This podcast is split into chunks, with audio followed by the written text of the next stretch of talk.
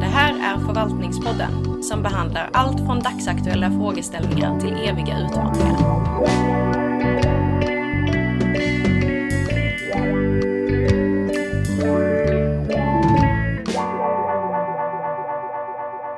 Äntligen ett nytt avsnitt av Förvaltningspodden som alla har väntat på. Idag så ska vi prata om, eller jag kanske ska börja i den här änden. Jag ska läsa ett mejl som vi fick redan från första avsnittet men har negligerat för att vi har gjort så mycket annat istället. Eh, från en alumn, jag har inte GDPR-at än så vi får kalla honom för bara Erik. Eh, men han skriver så här, Hej, jag vill framföra att jag tycker podden var mycket intressant, hoppas på fler intressanta avsnitt om man får önska nu är ju kommunala bolag i den kommunaldemokratiska kontexten något jag är intresserad av. Hälsningar. Och för mig då som har som jobb att popularisera offentlig förvaltning så är det underbart att höra att det finns folk som är intresserade av det här redan. Vi ska inte ha riktigt så snävt kanske utan med kommunala bolag i mer vid bemärkelse tänkte vi prata om idag. Och med oss är Gustav Kastberg och Oskar Svärd. Som båda är bekanta med sen tidigare. Men vi kan börja då, för vi har ju pratat om New Public Management och har en sån serie på gång. Och är kommunala bolag en del i, i det? Eh, både ja och nej kan man ju säga. Eh, alltså kommunala bolag då, vi ska ju eh, komma in lite mer på vad exakt det handlar om egentligen då. Men det, det enklaste, den snabbversionen är ju att det är ett bolag helt enkelt som man har skapat och där ägaren då råkar vara en kommun eller ett, ett, en region. Ehm, är det då direkt länkat till ehm, New Public Management som vi ju då, när vi pratade om det förra avsnittet, daterar till att det, det kom i slutet av 80-talet, början på 90-talet. Eh, och där kan vi egentligen konstatera att kommunala bolag har ju funnits mycket längre än så. Eh, och konstruktionen i sig har ju funnits såklart eh, mycket längre än så.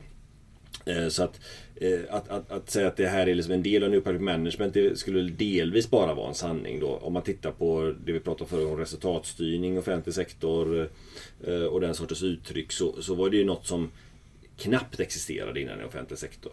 Medan bolag har ju, har ju var, ganska länge varit en del av, eh, under hela 1900-talet varit en del av det, organiseringen av de här gemensamma uppgifterna då egentligen.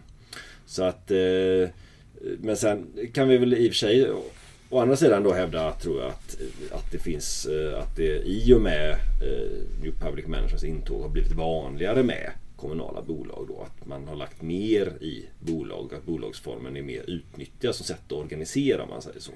Jag läste nu i, eh, nu kommer jag inte ihåg var någonstans det var jag läste det precis nu innan vi kom hit, men att sedan eh, år 2000 så har det i snitt eh, startat två kommun antingen två kommunala bolag i veckan eller ett varannan vecka eller någonting. Ja, väldigt mycket i alla fall eftersom de, och nu är det, och det 1700 stycken eller något sånt här som, eh, som finns totalt i landet.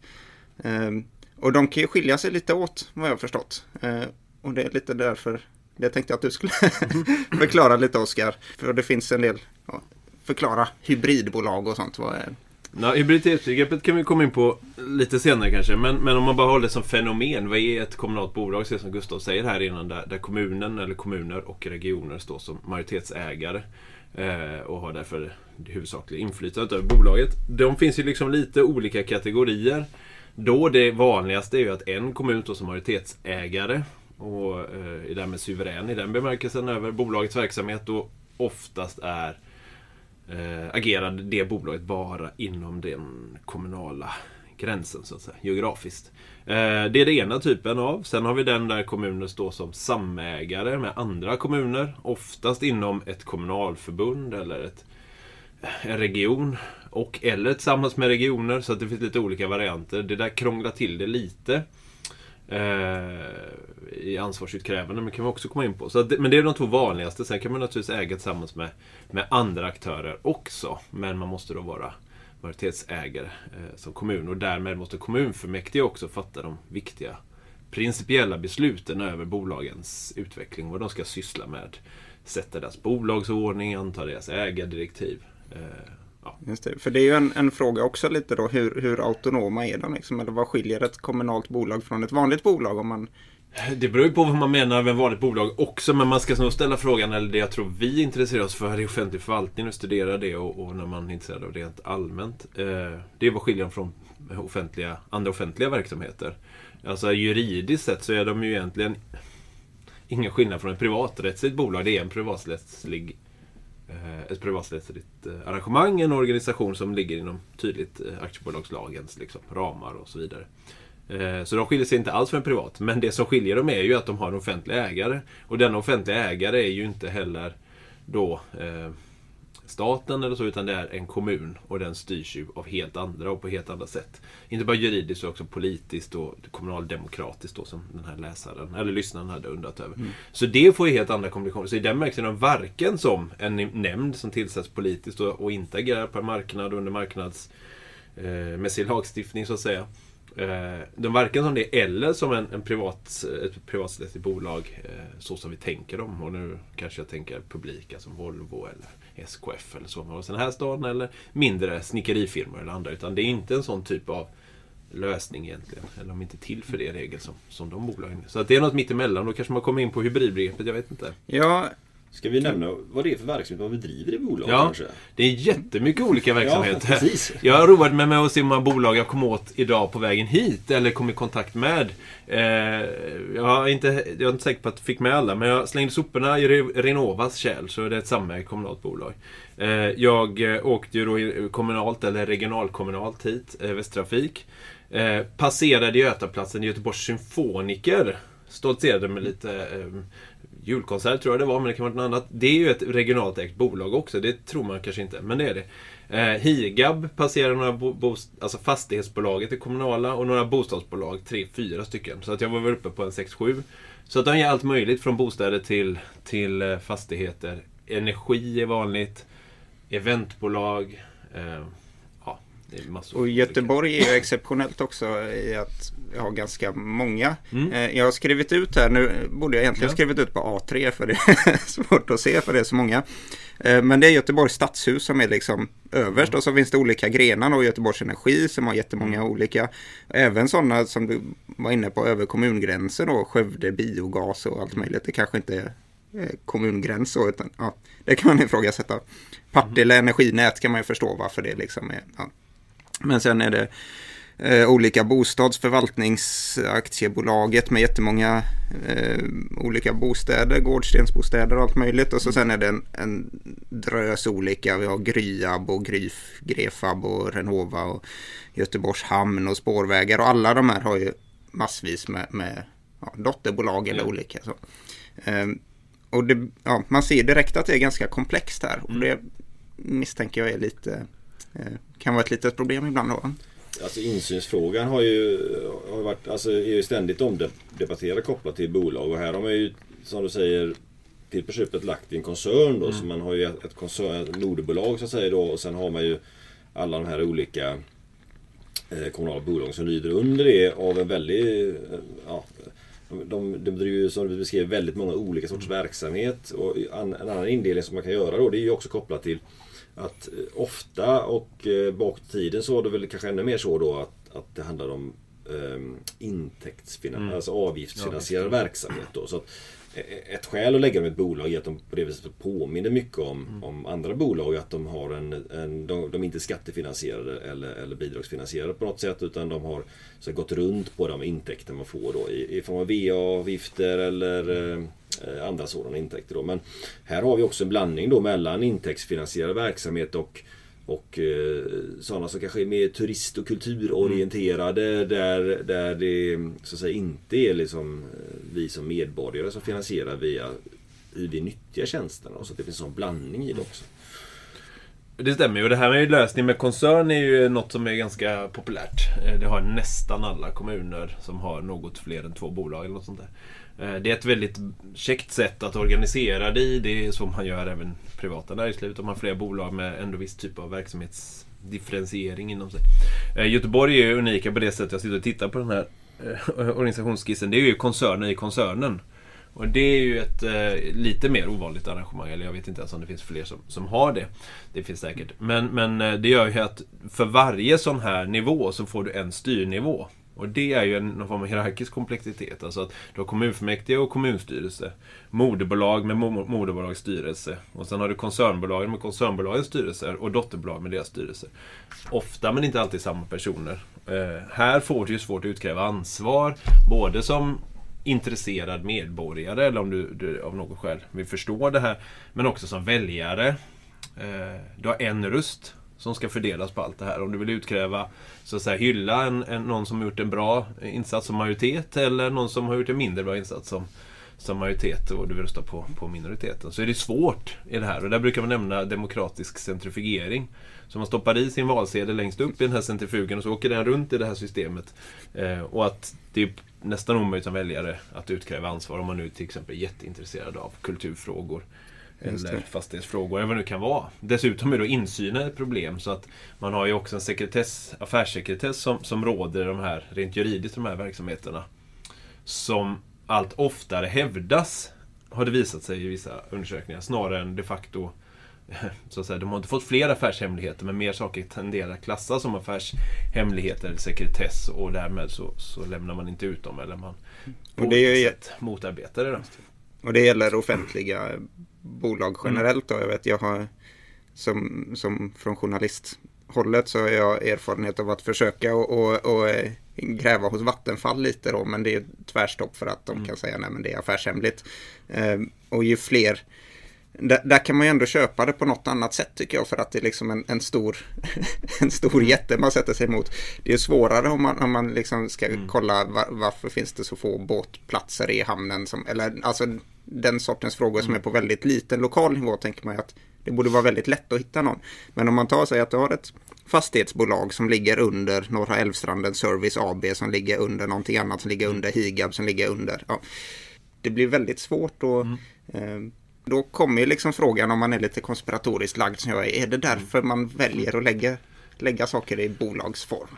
Det vi har sett som motiv eh, till varför man bolagiserar verksamhet, det beror ju väldigt mycket på. Alltså de här gamla bolagen som funnits väldigt länge, som Gustav nämnde innan, alltså som fanns långt före hela New Public Management. Och det går ju tillbaka vissa av dem till förra sekelskiftet nästan. Sen vet jag inte om det är exakt samma juridiska eh, person så att säga längre. Men, men i alla fall. Eh, de var ju ofta drivna av någon form av allmänintresse, allmännyttigt intresse. Därför upprättade man de första järnvägarna, var kommunala, den typen av lösningar. Då, hade man det på det här sättet och avgiftsfinansierad verksamhet som kunde drivas på goda grunder kanske många gånger. Att det var lättare att lösa det på det sättet. Sen har vi sett att motiven till nya bolagiseringar har blivit allt fler. Eh, och ibland mer eller mindre uppriktigt svarar man väl så från, från ägarnas och kommunernas håll. Ett av motiven är ju tron på effektivitet. Den är, den är genuin. Alltså man tror, och kanske ibland på goda grunder, ibland kanske inte. Men att det här är ett mer effektivt och ändamålsenligt sätt att driva verksamheten än i nämndsform. För det är det kommunerna har som alternativ många gånger. Ehm, Då är det ett sätt, det är eller ett motiv. Det andra motivet är ekonomiskt. Att man, man hittar den här typen av lösningar, inte minst genom koncerner, där man kan kvitta förluster och vinster på olika sätt. Flytta pengar inom koncernen. Eh, som ett sätt att inte lämna det i skatt till staten helt enkelt.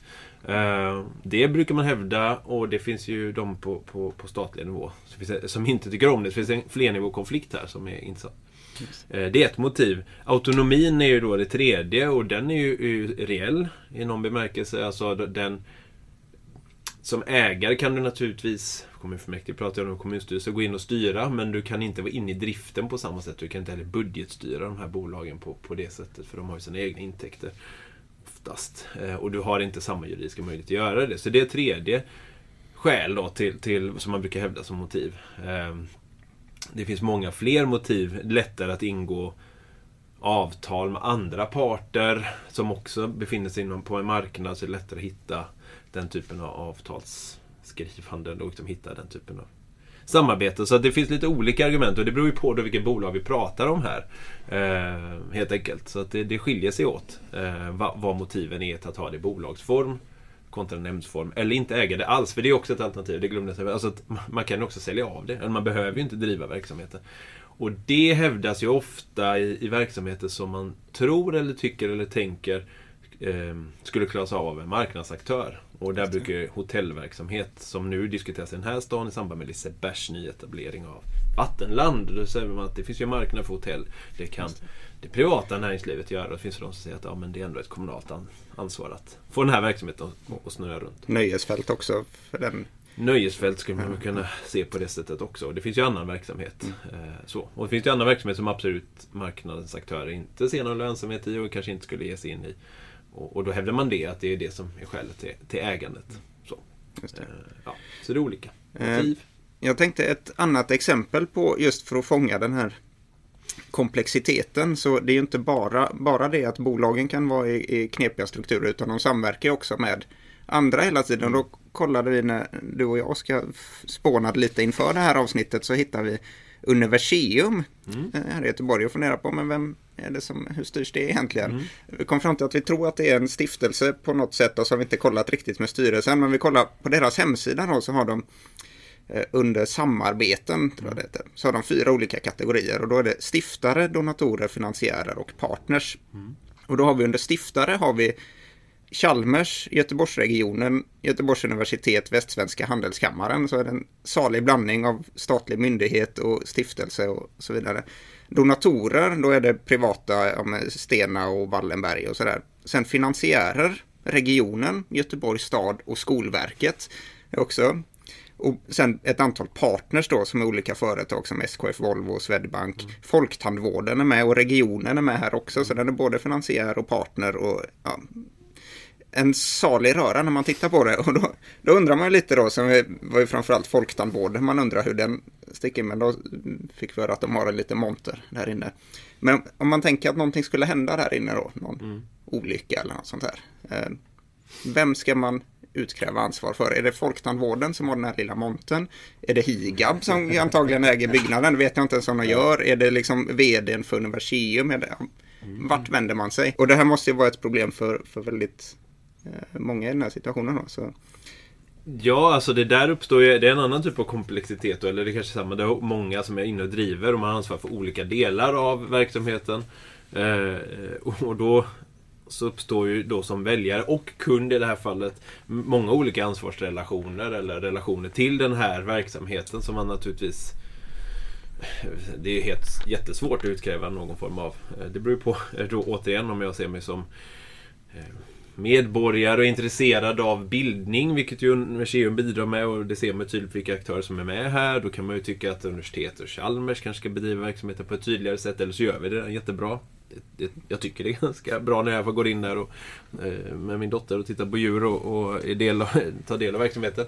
Eller så är det att jag tycker att eh, det är, jag vill ha fler partners med, ja, men då skulle jag kunna engagera mig själv om jag hade en, ett eget företag. Skulle man, kunna- det beror väl på liksom, vad man har för relation till det. Men komplexitet är det ju och det är ju karaktäriserar väl den här typen av sam, samverkan kan man nästan säga. Vad säger du Gustav?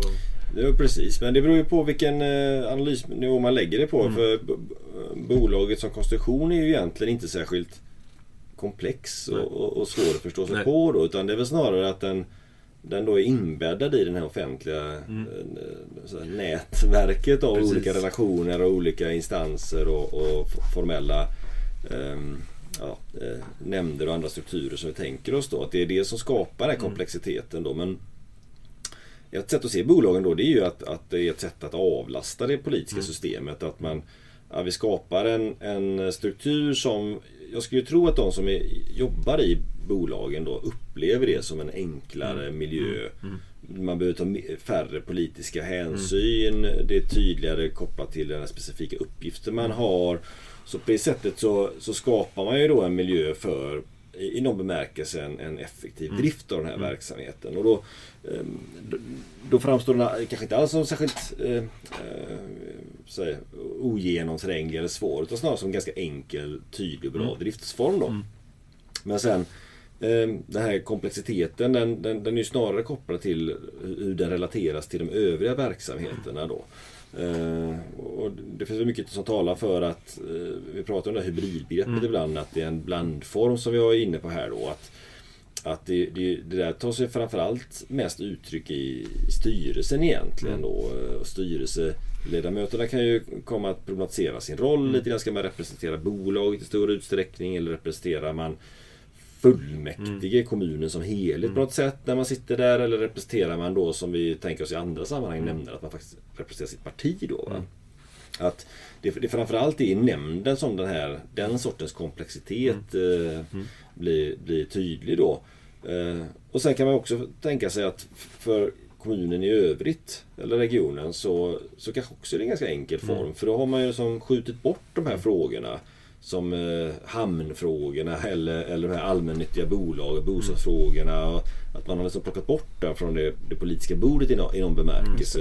Eh, och, och, och kan säga, renodla sig kring de andra verksamheterna. Så att, det, lite, jag tror det beror, lite grann beroende på vilken nivå man tittar på så, så kommer man ju kommer man reflektera över detta som eh, svårgenomträngligt, komplext eller som ganska enkelt och en smidig och fiffig lösning så att säga. Då. Just det. Nu har vi varit inne flera gånger på det här hybridbegreppet. Kanske dags att, att reda ut det, vad, vad det är vi menar med det. Vill du börja med det Gustav? Är det på en uh, begreppslig?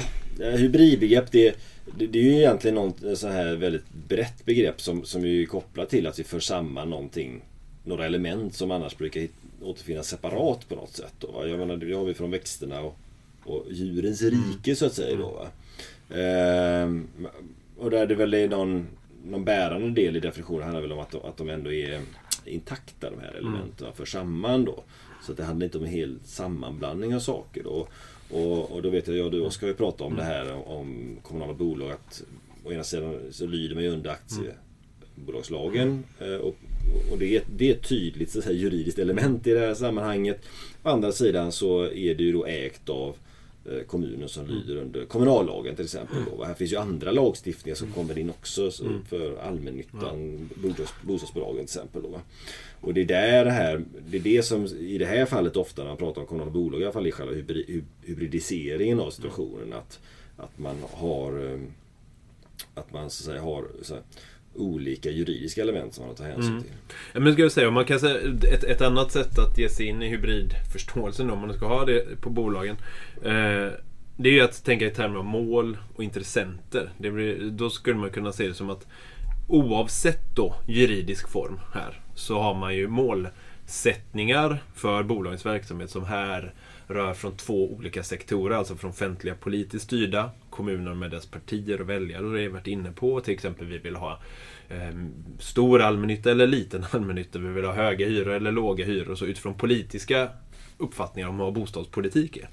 Det kan inte de här bolagen, om du håller på bostadsbolagen, säga att det bryr vi oss inte om. Utan en del av legitimiteten och en del av styrningen också för den delen kommer från den sektorn. Den andra, alldeles oavsett vad som så att säga är juridiskt korrekt eller inte detta. Den andra delen är ju samtidigt som är från det, marknaden. Alltså det finns konkurrenter att ta hänsyn till. Som säger att om kommunerna bedriver sin, sina, sin allmännytta på det där sättet, har för låga hyror och så till exempel. Så, så, så är det otillbörlig konkurrens och, och den typen av saker. Man har kunder som är jättetydliga kunder. Riktiga kunder, inga så att säga, speciallösningar på eh, eh, kunder. Utan det här är ju riktiga kunder som betalar sin hyra. Och de har uppfattningar så som kunder till, eller hyresgäster till de här bolagen. Eh, och, och det finns, de har uppfattningar därifrån. Kritiken mot bolagen och bolagens styrelse, det här liksom kokar ner, men även ägaren. Det är ju från båda de här hållen samtidigt, eller det finns intressenter från två håll då. Och, och legitimitetsbasen vilar liksom på att man klarar av att balansera båda. Eh, och det fin- och det är, då, då blir det juridiska en viktig komponent, men det är inte den, den hela biten av det, utan då, då, då öppnar vi upp för någonting annat som, eh, som är mycket mer då eh, hybridiserat, eller i alla fall från två håll, om det nu är hybriditet eller inte. Men i alla fall. Och det blir väl en, en viss målkonflikt där också då gissar jag. Att man Ja, har- det kan ju bli det. Eh, och, och, och där finns det ju då... Eh, det är ju en oförenlig många gånger situation man hamnar i. Eh, som att, så, så det kan ju finnas intresse för kommunen att bedriva en verksamhet i bolagsform som vi varit inne på, men av någon form av allmän kommunala intressen. Men där det krockar jättemycket med, med marknadens uppfattningar om hur, hur det här ska göras framförallt. Eh, Det var ju ett exempel på det här om, här om veckan bara med Higab återigen. Eh, som var tvungna att, och, ja, som de sa då, eh, tvungna faktiskt att, att höja hyrorna med och då var det i vissa fall dubbla hyran. eh, För att harmonisera med marknaden eller vad man kallar det då. Vilket gjorde att deras kunder då var tvungna att kanske flytta därifrån och istället. Och det blir ett uppenbart problem då att man eh, Ja, det här är en balansgång de här bolagen måste göra. För de får inte heller så att säga, bedriva... De, alltså man får ju inte bedriva verksamheten hur som helst naturligtvis. Eller hålla hur låga hyror som helst. Och vad det gäller de kommunala allmännyttiga bostadsbolagen så finns det ju nu sedan 2009 och framåt, 2011 tror jag lagen. Kanske kom Alvi-lagen som ganska tydligt betonar att det är affärsmässiga principer som bolagen måste bedrivas på. Så det kan man ju inte bortse ifrån. Eh, så att det finns en balansgång att hålla. Men det, det är, när man gör den här avvägningen i verksamheten som bolagen gör så får man också kritiken. Det finns exempel som vi pratat om innan du och Henrik. Att kommunala bolag som gör reklam för att nu ska vi hyra ut de här bostäderna till exempel. Eh, får kritik för det. För att säga, ni, det här är slöseri med det offentligas medel, vilket ju då är en definitionsfråga om det ens är offentligas medel. Men, men det, det, behövs ju inte när det är bostadskö på den orten. Det är väl bara att bygga bostäderna och så, så kan folk flytta in. Eh, det finns ju inget privat bolag som får kritik från någon som de inte ens har nödvändigtvis en kundrelation med för att ni gör nu för mycket reklam här. Bolag X, det får ni sluta med. Utan där vinner man ju priser naturligtvis. Alltså man får priser för bästa reklam och sådär. Va? Så att det är en helt annan typ av, av, av kritik som dyker upp här. Va? Eh, så det finns en, det är en svår balansgång eh, också för, för de här eh, verksamheterna. Precis, och vissa av de här sakerna är ju inte heller... Det är ju, det är ju, eh, vi, vi knyter ju ofta kritik och diskussioner till mm. kanske då bolagsformen då. Mm. Eftersom den sticker av i någon bemärkelse med, medan både den marknadsmässiga hyror och huruvida man ska göra reklam mm. är såklart ytterst relevant även för verksamhet som bedrivs i förvaltningsform. Mm. Om mm. ska, ska ett prestigeuniversitet göra, ja, göra reklam för sin verksamhet när, när de har långa köer av studenter? Mm. Det är ju en relevant fråga. Ja, precis, precis. Det blir väl lite kopplat tycker jag till det här med Eh, kanske, kanske långsökt, men jag tänker med vinster i välfärden och sådär. Att ha bolagisering av välfärd just för att, ehm, för att man har det här avkastningskravet då på ett bolag. Eh, jag kan ju i frågan, nu kanske jag blir lite personligt politisk här, men när, när liksom näringslivet och det eh, offentliga konkurrerar mot varandra så verkar man vara väldigt rigid på den här principen att det måste vara på lika villkor. Mm. Att man inte får sär... Jag, jag tänker lite att det att man går ifrån den här tanken att det privata eller bolagsformen är mycket bättre då. Då konkurrerar man väl med de medel som finns då, men det är inte riktigt så man man tänker så är inte debatten bland kommunala bolagen i alla fall, alltså när man studerar dem. Utan där är det ju konkurrensneutralitet som ofta dyker upp och när det avviker från det så, så uppstår kritiken och, och problematiseras på olika sätt. Så är det ju. Eh, verkligen. Eh, så. Men, men ja. Men jag tycker också det är intressant att ta upp den här tråden om styrelsen. Då. Det är de jag huvudsakligen intresserat mig för. Men där, är ju, eh, där uppstår ju den här typen av diskussion om vad, gör det, vad är mitt uppdrag som styrelseledamot? Och det hänger ihop med det med konkurrensneutraliteten. Alltså det som vi vet ganska tydligt från, från bolagsstyrelser är att politikerna som sitter där, för fullmäktige tillsätter ju politiker i, i all betydande grad eh, i de här bolagsstyrelserna. Och då säger man ju att jag representerar bolaget. Bolagets intressen och bolagets bästa är ofta beteckningen man använder. Eh, och det här liksom kopplar an till det här med neutralitet, att man ska vara neutral i alla fall gentemot sin egna politiska åsikt som man bär upp i alla andra sammanhang. Eh, eller många andra sammanhang. Utan där sitter man inte på partimandat hävdar man, utan man sitter i då för att värna bolagets bästa.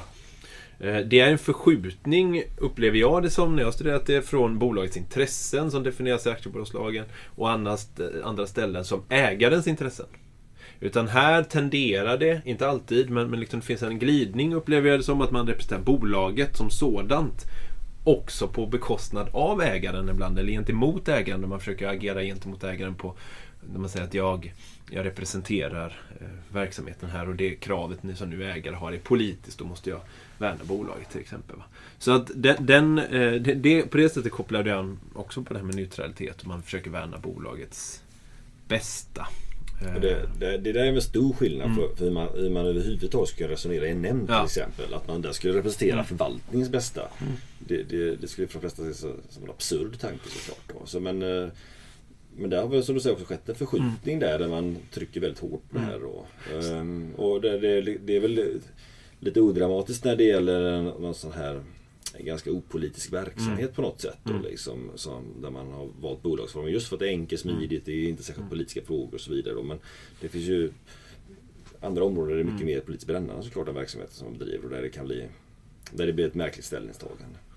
Precis, och där finns diskussionen då att den politiska argumentationen och, och, och brytningen med åsikt ska ske i fullmäktige ägar eh, forumet och sen i bolagsstyrelsen så är, är, ska det då man inte representera på det sättet och föra den typen av poliskonflikt eller diskussion kring det. Sen är det naturligtvis så att styrelserna får ju inte agera på ett sätt som direkt skadar bolaget. I den bemärkelsen är det helt korrekt. Va? Att man kan ju inte, bara för att jag representerar en viss hållning, bedriva verksamhet på ett sådant sätt att det åsamkar bolaget ekonomisk skada eller någonting annat på, på avsiktliga grunder. Eh, men inom de ramar som, som ändå eh, anges juridiskt så kan man ju tänka sig man kan representera både det ena och det andra. Eh, geografiska enheter kan man ju tänka sig att man representerar sådana samägda samverkansbolag så kan man ju tänka sig att jag huvudsakligen representerar min kommun då. Det, det, är svårt att se att det skulle strida mot primär, alltså direkt strida mot bolagets intressen. Sådär. Ja, så det finns andra grunder man skulle kunna göra på. Ännu mer problematiskt tänker jag framförallt kanske i mindre kommuner mm. där man oundvikligen hamnar i jävsituationer hela tiden mm. för att alla känner alla nästan då. Eh, då blir det kanske ännu mer problematiskt när man dessutom har dubbla stolar liksom i... Ja, det finns ju en eh, intressant styrkonflikt, hur man ser det. Uppsynsplikten ligger på kommunstyrelsen. Så de har uppsynsplikt över sina bolag och ser att de sköts och drivs på, på det sätt som det är tänkt. Eh, samt, och, och, och, det motiverar ju en separation av att inte sitta på dubbla stolar, i det här fallet att sitta i kommunstyrelsen och inte sitta i sitt bolag. Utan då kan man ut, utöva den typen av ansvarsutkrävande. Å andra sidan finns det en ganska stark tradition både inom kommun men även inom näringsliv. Vad vi kallar för interlocking directors. Alltså att man, man sitter på två stolar därför att man vill ha följsamhet i styrningen. Det är ju, finns ju på det sättet en, en fördel med att sitta på två stolar. Därför att man då styr, inte sig själv primärt, utan man styr bolaget så man vet också ägare och bolag. Att de är sam, sampratade och är på väg åt samma håll. Och den konflikten uppstår också här då, att man ska både... Ja, då får man ju välja lite, vilket, vilket av de här två värdena tycker man som ägare är viktigast. Och det är svårt i små kommuner där antalet förtroendevalda är ju inte lika stort att välja på. Ehm, Men enligt det resonemanget då blir det också märkligt att man hävdar sig som stark representant för bolaget då. Mm. Om man sitter i ett bolagsstyrelse och sen också i koncernbolagsstyrelse. Mm. Ska man då i koncernen driva bolags intressen? Eh, ja, sen kanske man till på köpet sitter i en politisk, i fullmäktige då. Mm. Liksom, eh, ja, där, där, där, där, märker man av lite grann hur mm. problematiskt det ställningstagandet kan bli då. Där, då, då, då vill de flesta se att man trattar åt andra hållet egentligen. Mm. Så att det är, det är kedjan, att man är först och främst fullmäktigeledamot mm. och sen då representerar fullmäktige i de här olika forumen. Det, Ja. Eh, det tror jag alla ska känna sig mer bekväma. Får väl tänka någonstans att det ändå är eh, det är lätt att glömma bort det men det är ändå för medborgarnas bästa som man gör det här från första början. Då, mm. liksom. Eh, jag har ett exempel från när jag skulle kolla på el, elmarknaden. Jag har av någon anledning halkat in på den flera gånger. Men då var det i Ulricehamns kommun jag skulle kolla elnätsavgiften. Mm. De är ett naturligt monopol då eftersom man liksom bara har en kabel in.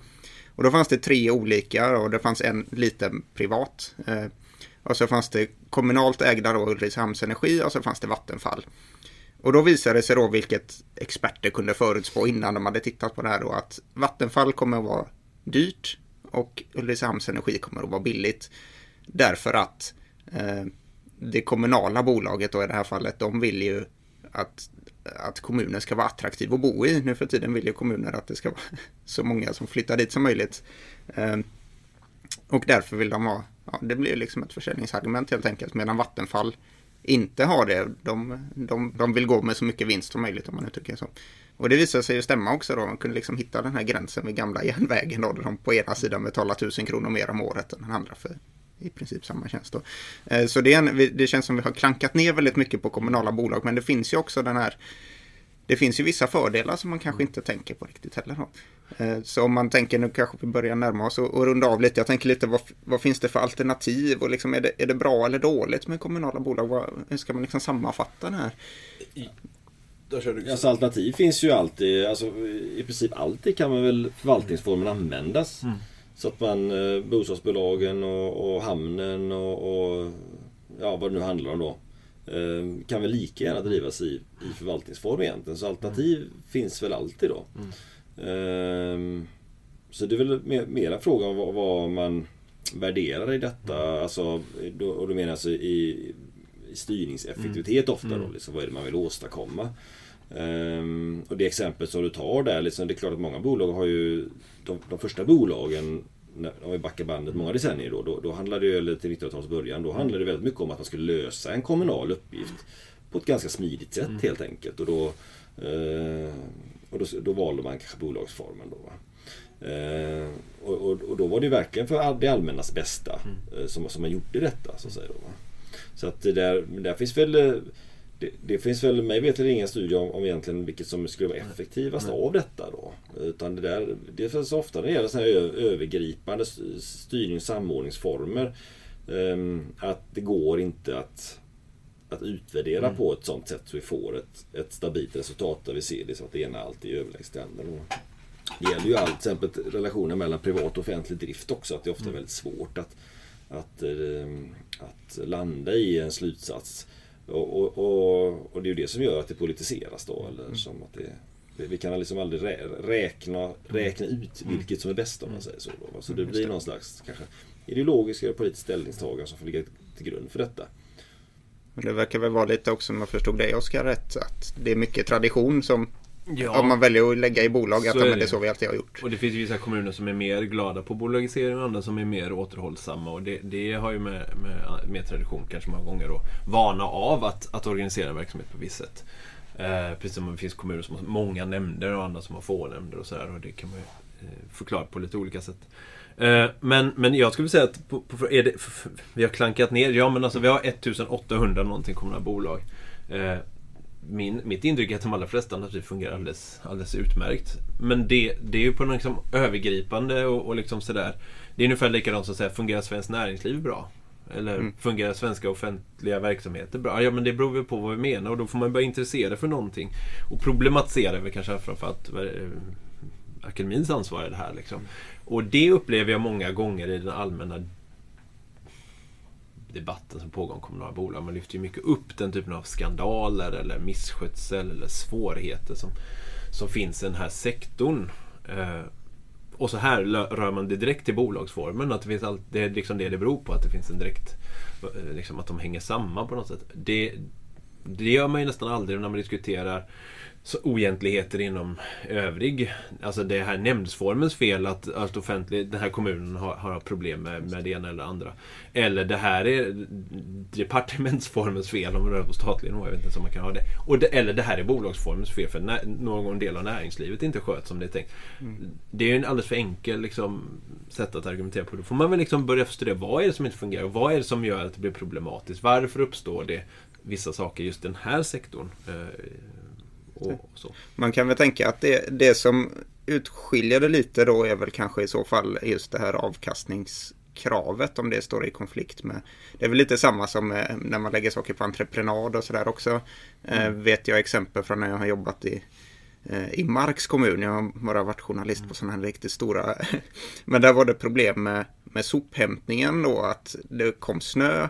Och så var snöröjningen som jag antar att det var någon entreprenör som körde den och så var det var väl något kommunalt eh, eh, sophämtningsbolag då så vet jag inte om de la ut körningarna på en ytterligare en, en nivå då. Men i vilket fall så, så eh, kunde inte sophämtningen köra för att de tyckte det var för dåligt plogat och tvärtom tyckte. Och där är det väldigt svårt som journalist då att säga att alltså uppenbarligen vill ju båda, båda vill ju göra så lite som möjligt någonstans för att det är ju det de liksom gå med vinst på. Då. Mm. Eh, men det blir också väldigt svårt som journalist att säga, men vem, vem ska man utkräva ansvar för? Och det kunde ju inte de som bodde där heller. Och de fick ju vänta i två månader tills det töade igen. Svaret måste vara att de ska ploga på sopbilarna eller? ja, ja, men det kanske är hybridlösning där. Men, med en diskussion som hänger ihop med detta, att det är flera målsättningar som dyker upp här då, eller återigen ja, en annan typ av ekonomiskt mål och krav på de här verksamheterna kontra andra, att man lägger som på det. Eh, det, det. Jag ser inte det som ett jätteproblem per definition, så att säga. återigen, vad jag tänker att man behöver göra, en, en, en sak jag vill föra in i diskussionen om kommunala bolag är så här, lita på väljarna att de kan ta ställning till den här typen av saker. På samma sätt som man diskuterar nu vill vi höja kommunalskatten med si och så mycket eller vi vill sänka den så här mycket. Så deklarerar man det i olika sammanhang och så tar väljarna hänsyn till det när de röstar. Eller så gör de inte det men då finns det en ganska upp, upp, uppriktig diskussion kring det. Vi vill ha stadsdelsnämnder i Göteborg men vi vill inte ha det. Nu avvecklar vi dem för att det är de här argumenten. Och då för man precis de här principiella argumenten om organisationsformens styrkor och svagheter. Varför det är bra med centralisering kontra decentralisering om man håller sig kring stadsdelsnämnder nämna Göteborg just nu. Det skulle man kunna föra samma diskussion med kommunala bolag. Vi vill ha verksamheter inom de här bolag, verksamhet som de vill, vill bolagisera av det och det skälet. Vi tror på det. Och så får man andra säga, nej det, det, tror inte vi alls. Vi är emot att ha samma bolag. Vi ser hellre nämndsformen. Eller vi ser hellre att det avyttras till det privata näringslivet. Eller avvecklas helt. Mm. Och då får man väl ta ställning till det. Det behöver inte vara så oändligt mycket svårare. Men den diskussionen upplever jag är alldeles för Eh, så svag. Förekommer man knappt i, i, i, när det kommer just till den kommunala bolagssektorn. Så här, säg varför man vill ha fem kommunala bolag inom bostadssektorn så får man väl ta ställning till det. Det finns ibland jättegoda argument, ibland finns det väl inte det. Och ibland kan de vara jättepolitiska eller inte, men då kan man väl hantera det på det sättet. I alla fall föra in den typen av diskussion. Och vill man ha höga avkastningskrav på sina bolag så för att av något skäl får man deklarera det. Vill man att man vill ha en koncern därför man vill behålla så att säga pengarna på den kommunala nivån inte flytta upp till skatt till staten. Ja, men deklarera det så tror jag vi de flesta eh, liksom kan ta ställning kring det på samma sätt som kommunalskatt och annan typ av organisering. Så det är liksom ett medskick skulle jag säga. Till. Och nu är vi alla lite mer informerade också. Bättre på att ta ställning i egenskap av medborgare kring vad vi tycker kanske. Just, just. Mm. Ja, men där har vi nog slut på tid eh, tror jag. Eh, så om ingen har något mer att tillägga så eh, får vi tacka för den här gången igen. Mm. Så får ja, vi se vad nästa avsnitt handlar om. Det blir spännande att se då. Mm.